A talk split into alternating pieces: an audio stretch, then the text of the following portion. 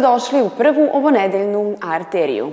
Fokus ovog izdanja emisije stavljamo na jedan filmski festival koji u svom redizajniranom ruhu donosi ostvarenja na osam lokacija u gradu. Evo šta za vas izdvajam. Filmska smotra na Novosadskom Novom naselju. Premijera predstave Revolt u režiji Jovane Tomić u Beogradskom ateljeu 212 zbornik muzikoloških radova o kompozitoru Dušanu Radiću, autora Borislava Hložana.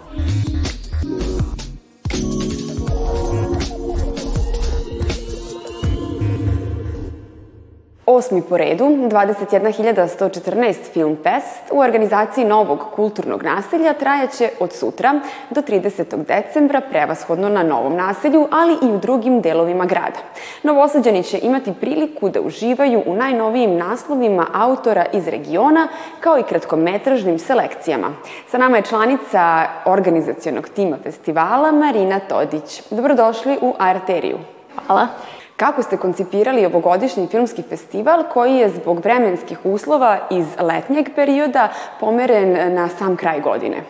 Ovogodišnje osmo izdanje uh, filmskog festivala um, je obeleženo time što se zapravo dešava na osam lokacija za tih osam godina. Uh, neke od lokacija, odnosno Lokacije su sledeće, e, sve su u novom naselju to su MNRO, e, dalje Centar za proizvodnju znanja i veština, e, gerontološki centar na novom naselju, veterinarska ambulanta Darwin, onda imamo repreznu selekciju kod Mileta Frizera, Dalje tu su već poznata lokacija Binacikl i Park među brezama i tako dalje, tako da eto.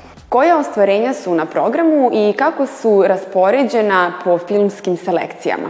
Ove godine imamo tri kratkometražne selekcije. To su uh, Zlatni čep, odnosno uh, nagrada koju dodeljuje publika svojim glasovima. Uh, onda imamo internacionalnu selekciju koja je odvojena u dve uzastopne večeri i na kraju imamo Trešnja Fest selekciju koja je zapravo njeni domaćini su Marko Draško i Igor Kovačević koji će zapravo komentarisati uh, kratka filmska ostvarenja koja zapravo popularizuju trash kulturu. Što se tiče dugometražne selekcije, ove godine u Gerontološkom centru na Novom naselju gledat ćemo filmove Ključ i Heroji. Ovo je prilika da se posebno angažuje publika koja živi na novom naselju. Jesu li zainteresovani za filmski sadržaj?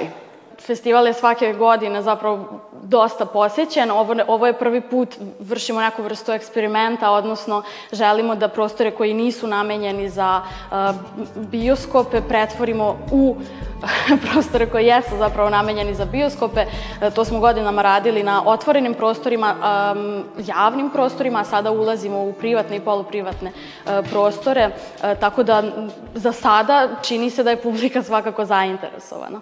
Hvala lepo na izdvojenom vremenu.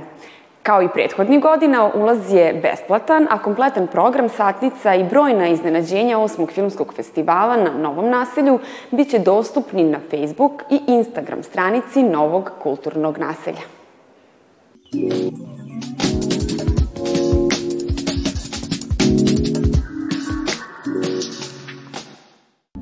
Revolt žena i borba za bolji položaj u patrijarhatu traje predugo, umorne su. Revoluciji zaglavljenoj u nizu pojmova potreban je novi pokretač. Kada se kaže feminizam, ljudi naprave face, gadno im je, ne žele da imaju, mislim i žene, ne žele uopšte da imaju bilo kakav kontakt sa tim rečima a zapravo je suština i pravo značenje negde potpuno suprotno od toga, tako da desila se ta zloupotreba i rabljenje tih pojmova, mislim u krajnjoj liniji kao i revolt, revolucija, promena, niko stvarno ne veruje u te reči, ali ljudi u praksi jako puno toga rade. Iako predstava ne daje odgovor na pitanje kako izmeniti svet, precizno pokazuje šta na tom putu radimo pogrešno. Mi negde postavljamo pitanje šta se desi kada se e, žene pobune. E, ta pobuna šta donosi njima, zašto su one umorne i bavimo se tim odnosima muškaraca i žena i negde e, preispitujemo gde je ljubav nestala. Opisuje onako razne vrste tih odnosa, od partnera, preko poslovnih odnosa, u firmama, bliskih ljudi i dobre i loše stvari ovaj, iz svega toga.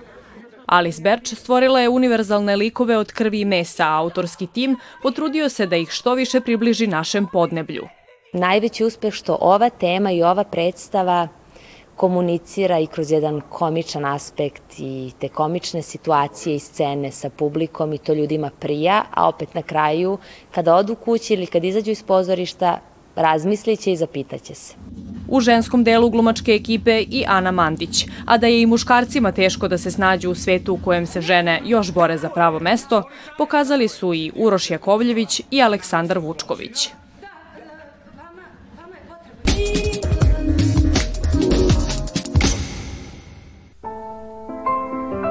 Matica Srpska osnovana je zahvaljujući donatorima i posebno se u 19. veku razvijala uz pomoć pojedinaca koji su bili svesni važnosti ulaganja u razvijanje i negovanje nacionalne kulture. Danas o funkcionisanju Matice računa vodi država, ali i dalje je potrebna pomoć kako bi se realizovali svi programi. Zato Matica na Dan dobrotvora okupi sve koji pomažu rad te institucije. Svi oni koji pomognu Maticu Srpsku ulažu u knjigu, ulažu u obrazovanje, ulažu u nauku i ulažu u znanje i ulažu u jednu trajnu ustanovu kao što je Matica Srpska koja traje dva veka, a u srpskom narodu samo stariji od Matice Srpske jeste pravoslavna crkva. I pošto se približavamo 200 godina postojanja Matice Srpske, nadamo se da će se i broj dobrotvora i umnožiti. U Matici posebno ističu saradnju sa gradovima i opštinama iz Srbije i Bosne. Kako kažu, do sada su potpisali protokole o saradnji sa njih 17.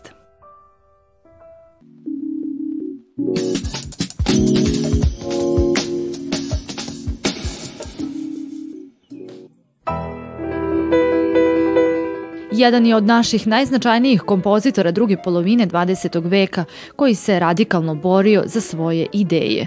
Među prvim slobodnim umetnicima je u našoj sredini i autor koji je, osim šaha, afinitete pokazivao i na polju književnosti i likovne umetnosti.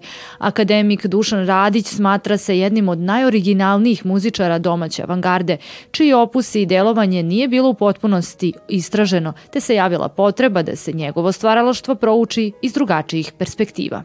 Upravo kruna prošlogodišnjeg naučnog simpozijuma koji je okupio eminentne muzikologe, kompozitore, istoričare književnosti i pijaniste, poznavaoce stvaralaštva Radića jeste zbornik radova Opsednute vedrine urednika Borislava Hložana, objavljenog u izdavaštvu Kulturnog centra Vojvodine Miloš Crnjanski. Jako je bio jedan od najznačajnijih, ja bih rekao, i jedan od najvažnijih srpskih kompozitora druge polovine 20. veka. On nekako uvek ostajao samosvojan.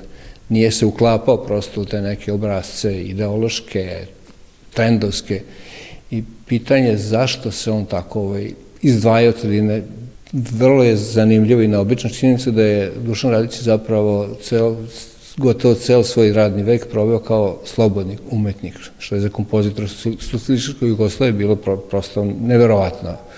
Dušan Radić ostvario je zapaženu karijeru van granica naše zemlje, a poznato je da je pisao muziku i za hollywoodske filmove. Pisao je muziku za hollywoodske spektakle, čak je dobio poziv da se preseli u Hollywood tamo da radi, međutim on je to odbio, ostao je ovde. Mislim da to je jedna tema koja i dalje zaslužuje da se istražuje kako se dogodilo i zašto se dogodilo da Radić uprkos izuzetne vrednosti svog opusa i uprkos tome što njegova muzika nije, nije bila neprimećena ali on ipak je ostao nekako u zasnjenku drugih imena kompozitora koji ipak po vrednosti svog dela, ja bih rekao, nisu toliko značajni kao on. Plodonosan avangardni kompozitor o kojem su za ovu priliku radove pisali između ostalih i muzikološkinje Katarina Tomašević, Melita Milin, Ira Prodanov i drugi autori, ima za cilj ne samo da osvetli njegov vredan, raznorodan umetnički opus, već i da podstakne muzičare da se njegova dela vrate na koncertne repertoare. Za kraj ovog izdanja emisije sa vama delimo informaciju da će Rock Operom 31. decembra odpočeti pozorišne novogodišnje priče koje ne treba da propustite. A mi se vidimo već sutra u dobro poznatom terminu. Prijatno!